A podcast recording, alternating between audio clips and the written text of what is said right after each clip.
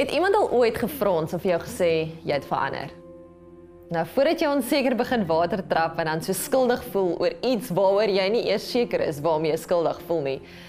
Kom ons kyk wat sê die Bybel. En dit gee raad in 2 Korintiërs 5:17. Dit sê as iemand in Christus is, het hy 'n nuwe skepsel geword. Die ou ding het verbygegaan. Kyk, dit het alles nuut geword.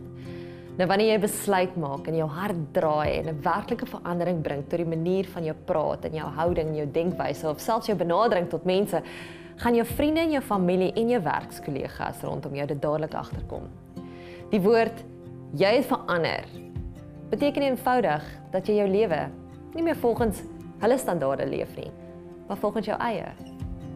Slegs jy kan bepaal of dit 'n kompliment of 'n negatiewe opmerking is. Jy kan bepaal of daar 'n positiewe verandering by jou plaasgevind het deur dit te meet aan die hoeveelheid vreugde in jou gees. Ek hou van Spreuke 17:22 en dit bevestig dit. Dit sê 'n vrolike mens is 'n gesonde mens en 'n neerslagtige mens raak uitgeput. Nou vreugde is nie 'n objek nie. Dit is binne in jou. En wanneer jy vreugde in die normale alledaagse dinge vind, weet jy dat positiewe verandering plaasgevind het.